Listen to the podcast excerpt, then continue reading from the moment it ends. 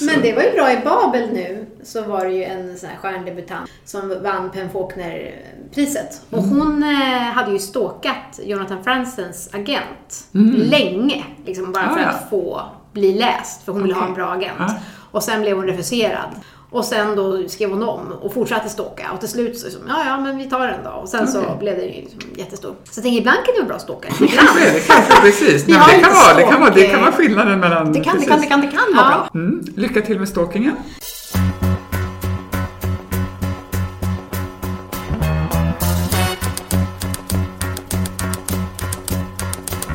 Den här podden handlar om vår kamp att romandebutera. Om allt det där som är före det glammiga. Allt slit. Ångesten. Hur vi kämpar vidare genom regnet och refuser och fortsätter redigera, trots blodsmak i munnen. Vi pratar om hur man ska våga tro på sitt projekt och på sig själv, även när ingen annan gör det. Det är jag som är Nina De är. Och det är jag som är Johanna de Valiant. Och vi tänker debutera. Eller dö. Tumble out of bed and I stumble to the kitchen. Pour myself a cup of ambition and yawn and stretch and try to come to life. Jump in the shower and the blood starts pumping. Out on the streets, the traffic starts jumping with folks like me on the job from nine to five. Working nine to five. What a way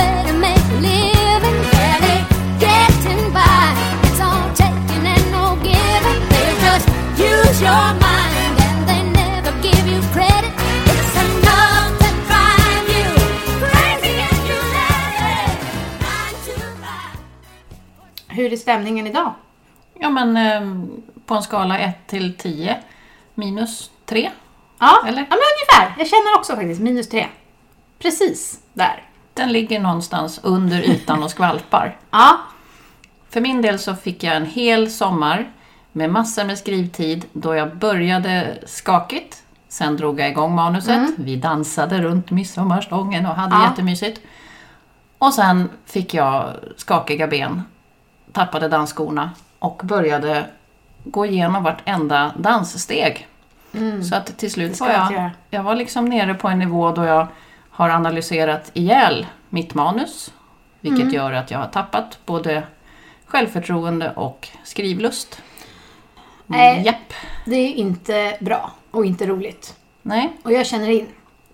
Själv känner jag att jag kan inte säga någonting om någonting för att ju närmare jag kommer så är det liksom låst. Det går inte att säga någonting. Jag kan inte dela med mig om någon process. Det är för nära. Mm. Och jag är lite som ett skadeskjutet djur känner jag som vill krypa in i buskarna och antingen förblöda eller att jag blir räddad. Så jag vet ingenting. Men när jag vet någonting då ska jag låta er veta. Det vi vet, det är att vi gick på release. Ja, Vi firade andras framgång. Ja, och det är kul. Och vi är ju en upplevelsebaserad podd. Ja. Och det var en härlig tillställning med massor med folk. Och i den här mängden av folk träffade vi på Tove Alsterdal. Mm. Jättefin och klok människa och jättebra författare. Det blev ett jättebra möte. Och hon slickade våra sår. Och gav oss pepp. Så vi bjöd in henne till podden. Ja, vi ville ha mer. Hon ställde gladeligen upp. Så vi kan stolt presentera dagens gäst, Tove Alsterdal. To the rescue. En stor applåd till vår författare.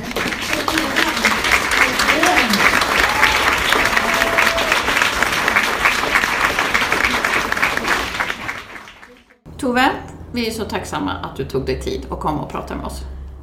Vi träffades ju för ett tag sedan på den här releasen. Och vi kom in i så fina diskussioner. Jag kände att jag sög mig fast i dig som en blodigel. Ja, Du hade, ha så mycket, du hade så mycket tröst. Jaha, det var härligt att höra. Men jag tycker det var intressanta diskussioner. Jag känner att hela din aura är väldigt lugnande. Ehm, Vad härligt. Jag upplever det inte på samma sätt. Men det är ju trevligt att du känner det så. Nu vet jag att du har ett förflutet som... eh, Mentalskötare, ja precis. Det mentalskötare. kanske är det. Det kanske är det jag kopplar på här med sådana här nervösa debutanter som ska debutera eller dö. Det kanske väcker mina gamla Ja. erfarenheter från Beckomberga. Jag vet inte. Ja. Nej. Det kan ju vara så att du har identifierat att vi är närmare dö. än att debutera, att vi behöver lite, lite vård. Vi är nära döden och absolut i en kris. Nej, Ja, kris. Vi behöver rehab. just nu. Men då vi, ska vi börja med att få höra, berätta varför är, varför är ni så nära döden just idag? Ska jag börja? Börjar du?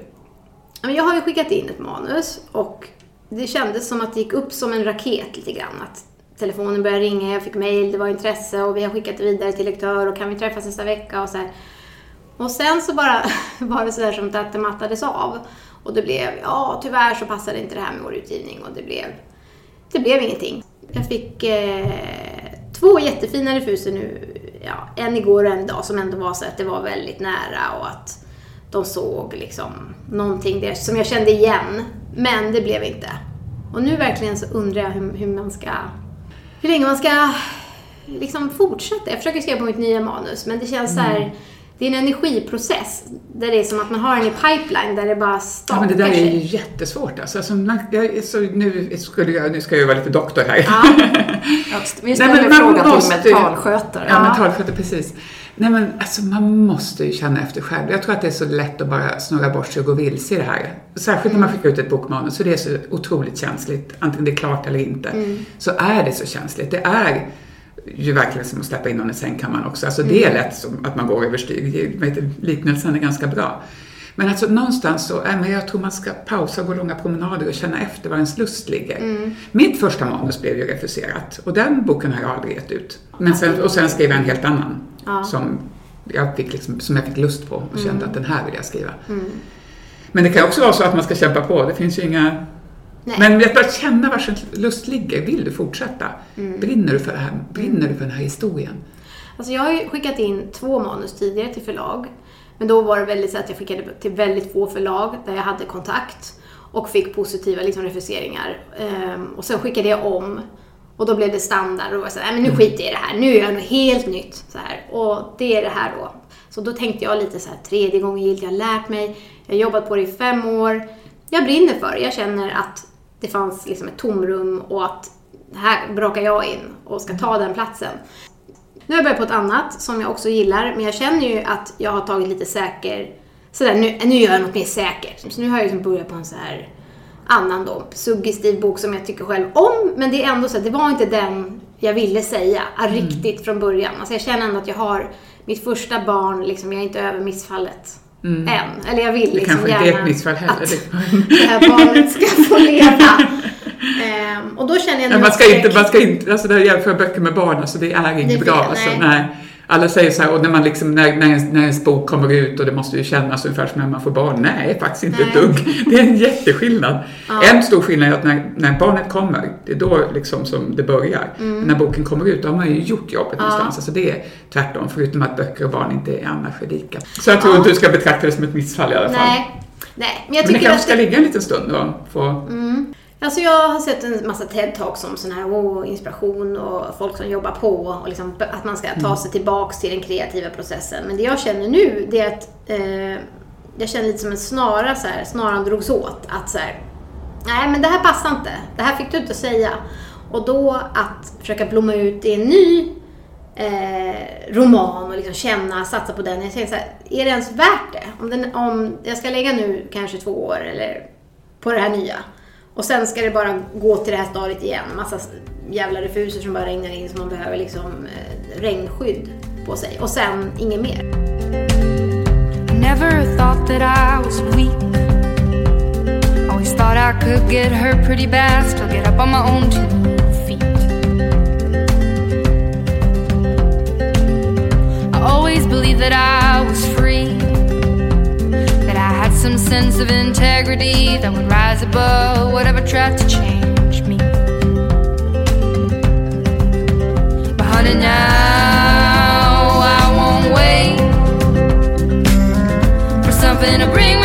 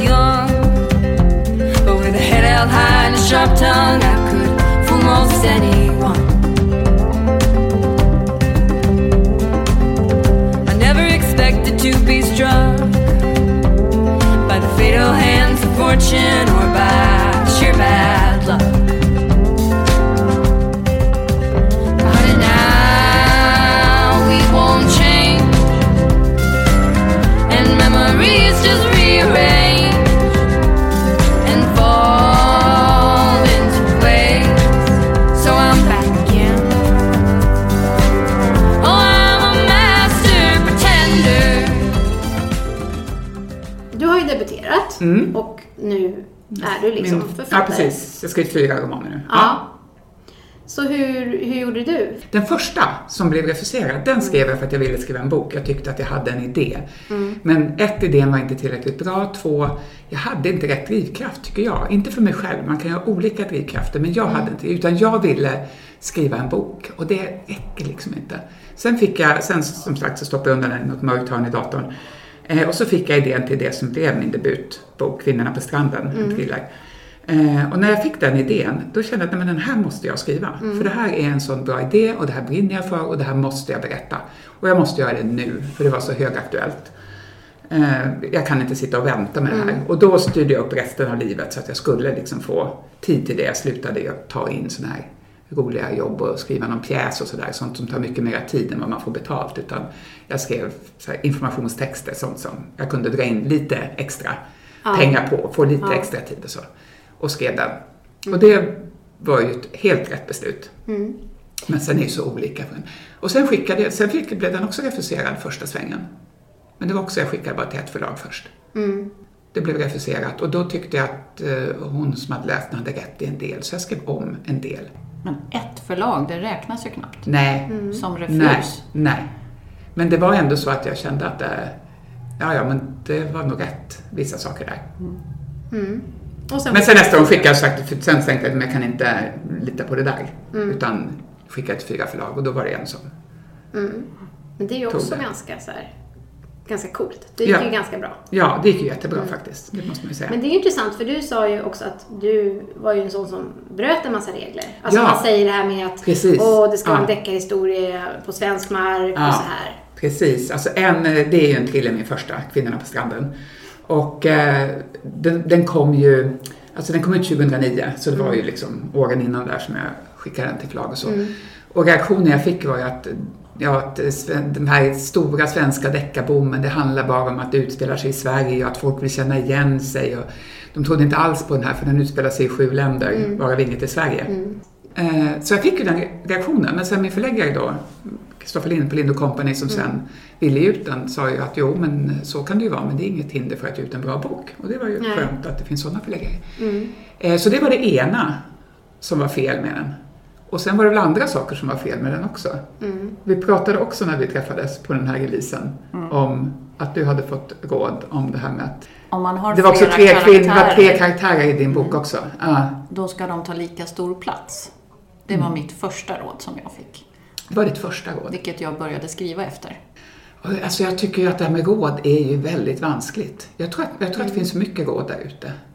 Jag tror, alltså jag, det är klart att det är bra att få råd, men det är också så att det, den som ger rådet har ju också en uppfattning eller en världsbild eller en idé om vad det här skulle kunna bli. Det är inte alls säkert att det är det som är kärnan i din berättelse. I min, den här första Kvinnorna på stranden, som kom ut, jag vet inte hur mycket den har sålt idag, men den är i alla fall översatt till 19 språk och såld till ett brittiskt filmbolag som vill utveckla den till tv-serie. Så det gick, det funkade ganska bra, uppenbarligen, det jag skrev. Och det är tre kvinnliga karaktärer som är liksom i centrum. Eh, Och nu räknade jag, eftersom vi hade pratat om det här och jag skulle hit, så räknade jag hur många sidor var och en av karaktärerna får. Boken är på, tror jag, på 380 sidor. En har 17 sidor, en har 24 sidor och den, andra, den tredje har resten. Så att det var verkligen inte lika stor plats. Jag är väldigt glad att jag inte fick det rådet, för då hade jag suttit och slitit och berättat historier som inte var det jag ville berätta. Det, var inte, det var inte, de har sin funktion i berättelsen och de är jätteviktiga, men det är inte de det handlar om. Det är inte de som driver historien. Där tycker jag idag att du säger nyckelordet, nämligen funktion. För att om jag tänker på hur det var när jag började skriva och jag ska försöka fylla ut två karaktärer som inte alls har lika stor funktion så blir det ju bara slöseri med sidor och slöseri med tid. Hade jag, lytt, hade jag lyssnat på något sånt där råd, då hade jag ju satt igång och utveckla och det hade blivit en annan bok. Det hade kanske också blivit en bra bok, men det hade inte blivit den boken som jag hade tänkt skriva.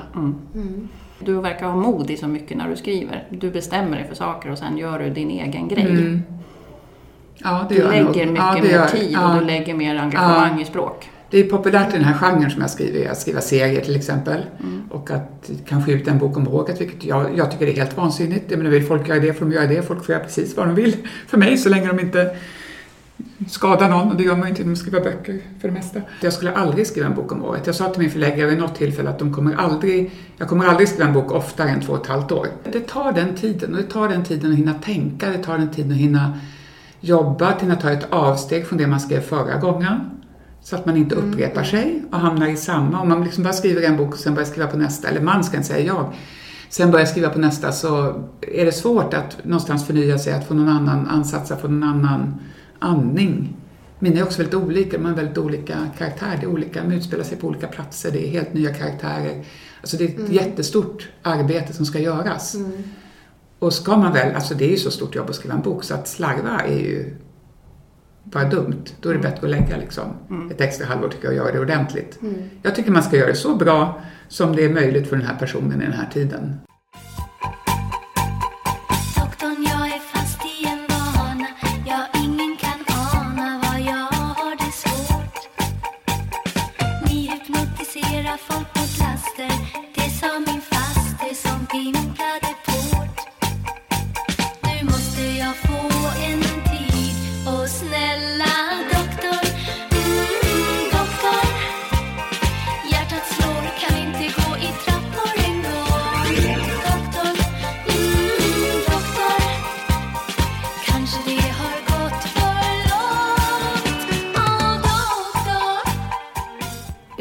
Mig jättemycket nu för att jag känner nu när jag ska försöka skriva på den här andra boken, liksom, ta mig tillbaks.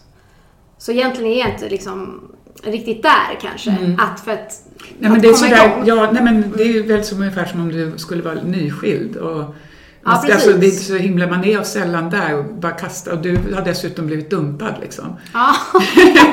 ja. Om att kasta sig in i ett nytt förhållande Ja. liksom. Det, man är inte det- känslomässigt mogen. Nej men precis. Nej. Men just det du säger nu om att du kastar in i nya miljöer, beställer alla böcker i ämnet. Jag tror att jag har kanske inte gjort det eh, så mycket. Utan jag, man kan sitta i en tomhet så här när man ska starta ett nytt projekt och så, så måste det liksom vävas fram. Det, alltså det är en process. Det är inte bara att liksom sida ett, nu kör jag. Alltså även om man kan ha en plott, liksom en tanke, så är det ändå det är så mycket mer som ska vävas fram som tar tid. ja. Och där kan man bli skitstressad, speciellt känner jag då om man är så här debutera eller dö och försöker göra det live, att nu ska det här fort, fram jävligt fort och liksom ta revansch. Det blir helt... Eh, Ja, det blir helt konstigt. Istället för att gå ut i skogen och Ja, för det känner jag att jag har inte tid med för att Nej. jag måste skriva. Men det blir ju liksom inte bra heller. Det kommer att ta den tiden ändå. Det Ja. kan man ju vara säker på. Det kommer att ta den tiden ändå. Sen är ju alla som skriver så vansinnigt olika. Men, men det är sagt, även om jag gör ju jättemycket jobb innan jag börjar skriva. Mm. Jätte, jättemycket jobb.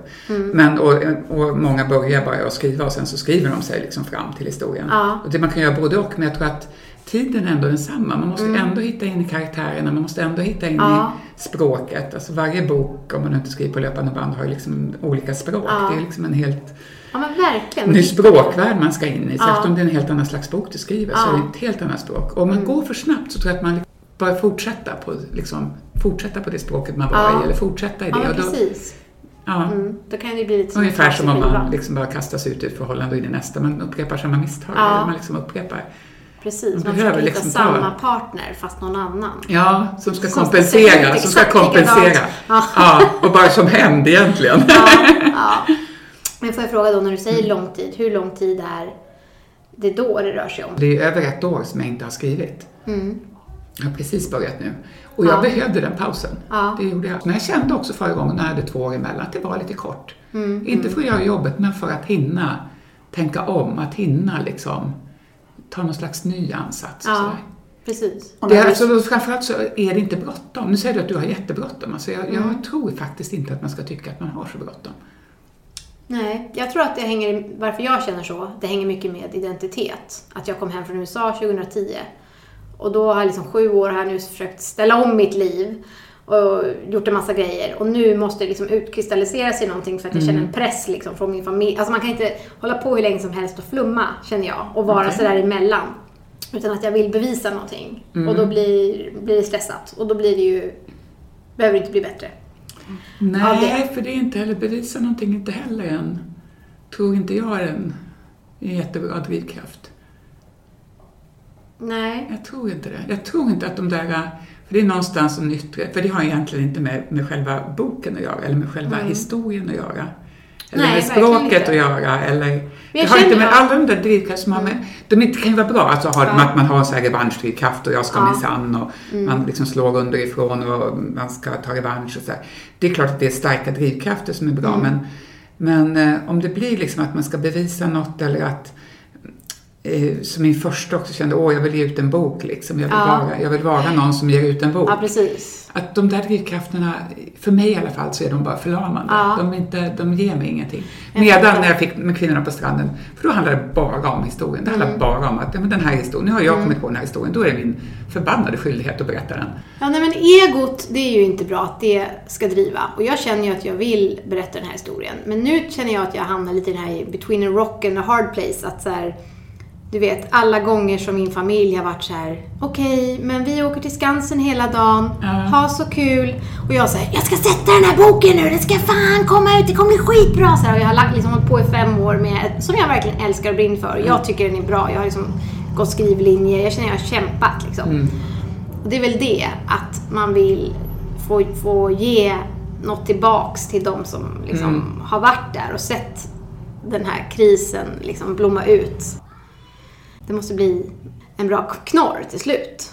Alltså för annars så förstod jag inte, varför gjorde jag allt det här? Fast det vet man ju aldrig förrän efteråt. Nej, det vet, man Nej. nej. det vet man inte förrän efteråt. Och oavsett var det hamnar så är, har man ju gjort jobbet liksom. Alltså. Ja.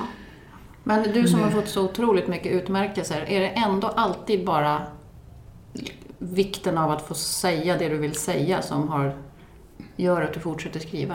Eh, kanske inte så mycket för att jag vill säga men för att jag är intresserad av, för att det på något vis är någonting som brinner i det. Att, att jag känner att det är någonting jag måste lösa här, någonting som jag måste hålla måste på. pocka. Ja, det måste verkligen vara så.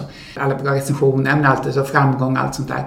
Det är också någonting som blir förlamande. Det är jättekul. Det är jättekul att sälja mycket böcker. Det är jättekul att komma in pengar på kontot, att man kan betala räkningarna i tid. Det är jättemånga år som jag inte har betalat räkningarna i tid, kan jag säga. Eh, och nu gör jag det och det, det känns jättebra. Så att man ska absolut inte förringa framgång ur det liksom, perspektivet. Och att det är naturligtvis jätteroligt att bli utgiven och att folk läser ens böcker och allt det här. Men framgången är också farlig och kan vara lite trösta, trösterik Ja. kanske, Dr. Tove. Framgången är, eh, den är förlamande, den är farlig, den eh, innebär att det sätter sig en massa småjävlar på axlarna. Jag trodde att jag var för klok för det. Jag trodde att men, jag är inte 22 längre och jag har fattat det där, att det där är liksom vad det handlar om. Och jag är inte den som liksom vimsar bort mig för att, för att jag liksom blir framgångsrik och för att eh, liksom, man blir hyllad och sådär. Men man gör det alltså. Jag vimsar också bort mig. Och det, som sagt, när jag skulle skriva, särskilt faktiskt den senaste boken, då hade jag massor med sådana här småjävlar som satt bakom och satt och spanade över, ja, men blir det verkligen bra det där? Och blir det verkligen spännande? Och sådär. Som, man, som jag har i mig själv. Det är inte att någon annan bryr sig. Inte ens min förläggare. Han kan ju tycka, men alla böcker kan inte vara lika bra. Men han har gett ut många böcker, han vet hur det är. Men jag tycker, om han säger så åt mig, jag blir så här, vadå? Vadå? Jag blir såhär Saga Norén, länskrim Malmö. Vadå? Vadå? Nej? Vad, vad pratar du om? Det är, klart det, måste, det, är klart, det är klart att varje bok måste bli bättre. Ja. Jag menar, hur menar du då? Att det är så självklart att, jag, att det måste bli bättre och bättre och bättre. Alltså, och det blir ju en, det blir en sån belastning till slut. Så att det, Ja. alltså, man måste göra sig av med det där. Det, och det tror jag, det är allt sånt där. Men det är samma som du pratar om fast ett annat perspektiv. Alltså prestationsångesten, allt det där, det är, bara, det är förlamande. Det är inte någon, det är inte kreativt. På tal om fina meningar. Jag har ju nu redigerat ner min bok till meningslängder. Det känns som att jag har tagit manuset, kört igenom ett pappersmakulator, gjort någon sån här spagettiformation av hela manuset. Okej. För att jag är så självkritisk. Ja. Allt runt omkring har blivit som att jag måste vara en av dem som grejar det här. Jag gör en podd som heter Debutera eller dö. Ja. Jag jobbar som lektör, jag är med i en jury och sitter och väljer ut noveller. Jag sitter och dissar andras arbeten.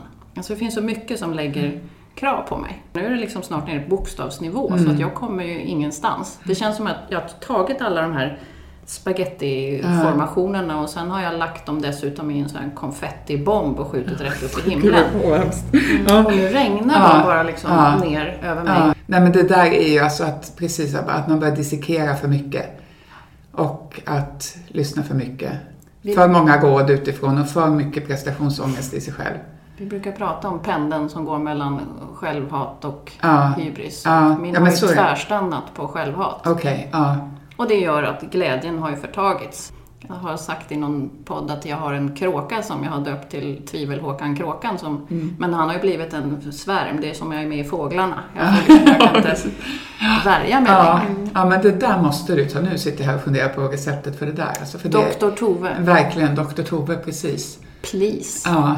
Det enda man kan göra åt det, alltså det är att försöka sätta på sig öronmuffar så man inte hör omvärlden och bara sätta sig ner och skriva eller klippa och klistra eller vad det är du ska göra för någonting. Att stänga av alltså. Det är samma sak för mig alltså. Ge det tid och gå långa promenader. Ja, jag tror det. Och hitta ner i dig själv. Jag, hade jag var ju jag har varit redaktör för Lisa Marklund i alla år. Vi gick journalistlinjen tillsammans och sen har vi liksom bollat och läst och diskuterat genom åren i jätte- jättemånga år. När jag skulle sätta mig och skriva min första roman så trodde jag att jag kan det här. Jag är ju faktiskt jättebra på det här. Senaste jag hjälpte, hon blev liksom sålde många hundra, sålde flera miljoner böcker. Eh, men det var en sån helt annan sak att sätta sig och göra det själv. Att det, att det var så totalt annorlunda. Det spelade ingen roll. För jag visste ingenting.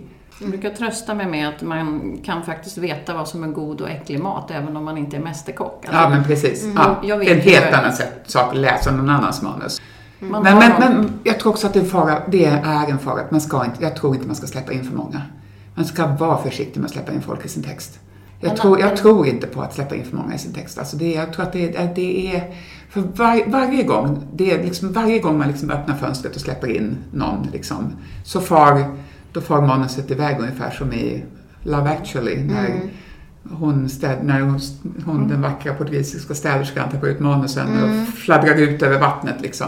Och så är det, varje gång man öppnar fönstret och släpper in någon i texten så är det så. Jag tror nog att man, måste, att man ska återupprätta författarens ensamhet faktiskt. Dessutom, i samma ögonblick som jag liksom öppnar fönstret och släpper in någon så lämnar jag också ifrån mig texten lite grann. Då är den inte inne i mig utan jag, lämnar, jag får en distans till den själv. Så det blir, varje gång jag gör det så blir det svårare att hitta tillbaka. Det är ett arbete att hitta tillbaka. Och ska man hålla på med det hela tiden då, då får man ju bara jobba med att hitta tillbaka. Då är det liksom, det hinner man inte skriva för att man bara ska hitta tillbaka hela tiden. Jag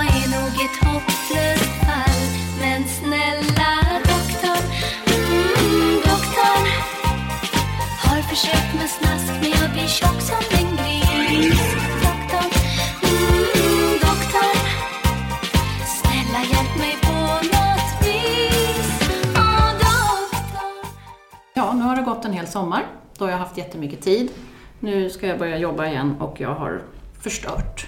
liksom har fått ihop några böcker i alla fall att lära sig att nej, men jag, egentligen, egentligen så är jag inte dummare idag än vad jag var igår. Det här när man läser sin text och man tycker att det här är ju ingenting, det här är ju liksom bara helt värdelöst, jag kan ju inte skriva. Men någonstans så tror jag att ni båda två är medvetna om att ni kan skriva, nu skulle ni inte ha hållit ut så länge. Eh, och att, att det, det är andra saker som gör att man inte får till det. Det kan vara något som är fel i historien, det tycker jag ofta det är om man skriver, sitter och skriver en scen och det inte kommer. Jag kan skriva jättefina meningar men jag kommer inte åt och det blir inte bra. Man blir bara mer och mer frustrerad. Så är det ofta att det är någonting i historien som fattas och då behöver man också gå promenader eller gå och köpa lösgodis eller någonting. Så att man får lite ny energi eller hinner tänka och sådär. Eller sova på saken för att lösa det till nästa dag. Men att det är liksom ändå att man faktiskt ska lita på sig själv också. Att inte Ja, det är lätt att säga för man hamnar ju alltid i det där att man är, att man är helt värdelös att, och självhatet som du säger. Men eh, jag tror faktiskt det. Jag tror man, alltså man, ska jobba, man får faktiskt jobba med att lita på sig själv, att man faktiskt kan och att man faktiskt har det i sig. Man har den här berättelsen i sig. Man måste ju lita på den, det är ju lönlöst. Men när vi pratade på den här releasen, vad jag förstod då så sa du att du i princip inte känner liksom redigeringsångest. Eller att redigering är jobbigt. Nej, redigering tycker jag inte är ett dugg jobbigt. Nej. Nej. Berätta. Nej, jag tycker, jag tycker det är jättejobbigt att skriva boken. när det inte finns, alltså man, när man ska skriva den. Det tycker jag, och det har blivit värre och värre. Det, blir värre, det kan ju trösta dig med att det blir värre och värre för varje bok. Om du Ja. tycker det är jobbigt nu, så välkomna! Ja. Ja, det, det blir bara värre och värre. Fast nu försöker jag faktiskt jobba med mig själv för att hitta tillbaka till lusten. För att Ja. jag tappade lusten en hel del. Men är det att du blir mer rädd också för så sågningar och så? Eller liksom att det ska bli... Det, det är nog både och. För jag tänker att nej, men jag blir inte rädd för att någon ska såga mig. Liksom. Men eh, någonstans är, är man väl det ändå kanske. Jag vet faktiskt inte.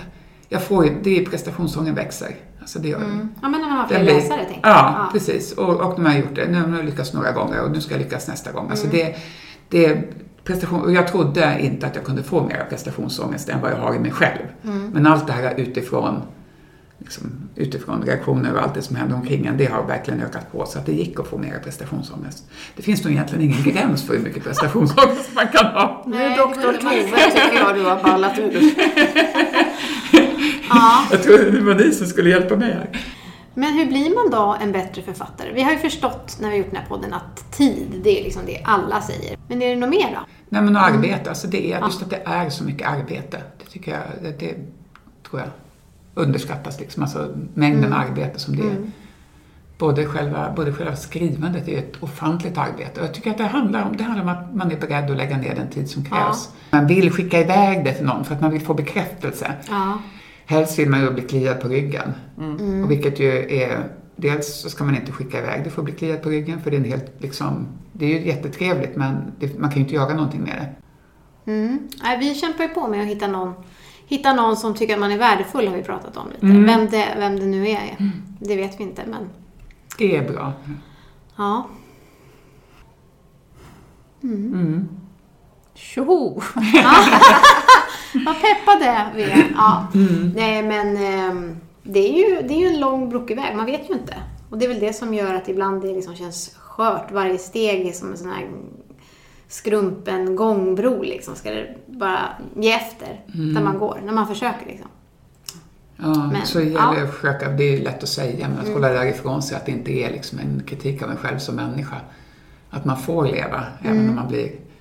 Men man har bara ett liv. Man har så begränsat med tid. Och det du också säger, jag menar skrivprocessen är så vansinnigt långsam. Men vad ska man annars lägga tid på? Ska man spela Ja. golf eller vad ska man Ja, annars göra med sin man. tid? Han lägger, han lägger hela såna här resor på bara att få ner bollar i hål. Exakt, slå 18 på bollar som ligger Ja. still liksom.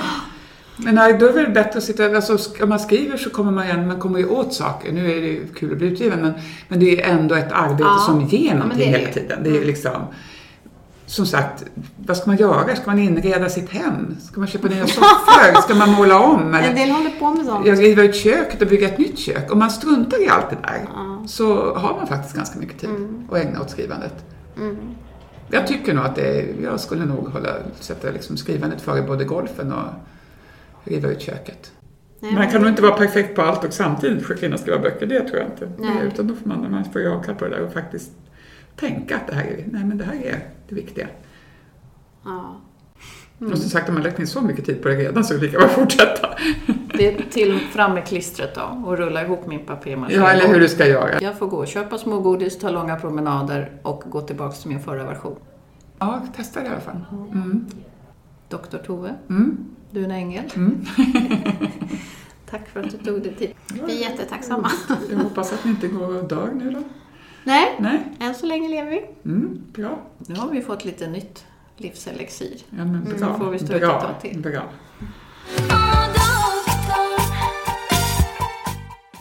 Summa summarum så är det tid och tillit. Mm. Och att mota bort egot, känner jag. Det ska jag jobba hårdare på. Ja. Att inte bara gå in i det här författaridentitet. Jag tänker att vi måste åka på en höstboost till nästa gång. Jag skriver upp mig högst upp på den gästlistan. Är det okej om vi åker imorgon? Ja, vad gör du ikväll? Ja, jag ska gå en eh, promenad i en regntung eh, skog, tänkte jag. Och jag ska äta mycket smågodis så att jag kommer ikapp. Bygga upp det lite Ja. inför hösten. Och på tal om hösten. Kommer ni till Bokmässan så är ju vi där, torsdag till lördag. Getlaborg. Mm, en trappa upp i Café Skriva, Skrivtorget, Mm. som är Om, nytt för i år. om ni vänder er om, om ni står vid stora scenen så är vi i montern bakom. Mm. Skrivarakademins monter där vi kommer ha en skrivutmaning som inte går av för hacker. Nej, och om ni vågar ställa upp så kan man ju vinna en kurs hos Skrivarakademin. De har kurser eh, i flera stora städer men också på distans. Så vill ni vara med och tävla så kom till oss och vill ni inte tävla så kom till oss ändå och bara säg ja, hej. vi behöver er. Ja. Kom och prata med oss. Blotta era sorger. Ja, Härligt. Ehm, men nu måste jag åka och packa. ja vi ses snart igen. Egofria. Mm. Eller det är målet i alla fall. Så för en gångs skull Nina, skriv inte. Nej, jag ska faktiskt inte skriva. Tjing. It's a new dawn, it's a new day. It's a new life for me, yeah. It's a new dawn, it's a new day. A new life for me. Ooh, ooh, ooh. And I'm feeling good.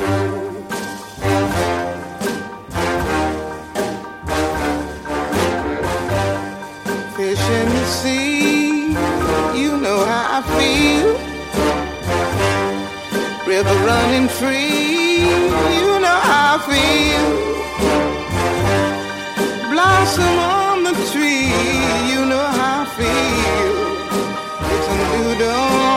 it's a new day, it's a new life for me, and I'm feeling good.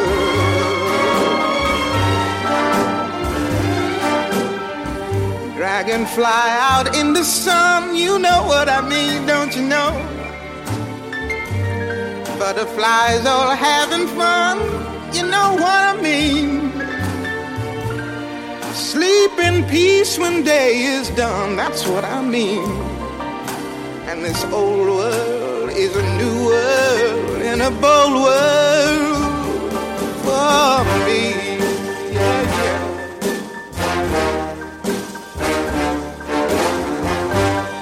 Stars, when you shine, you know how I feel.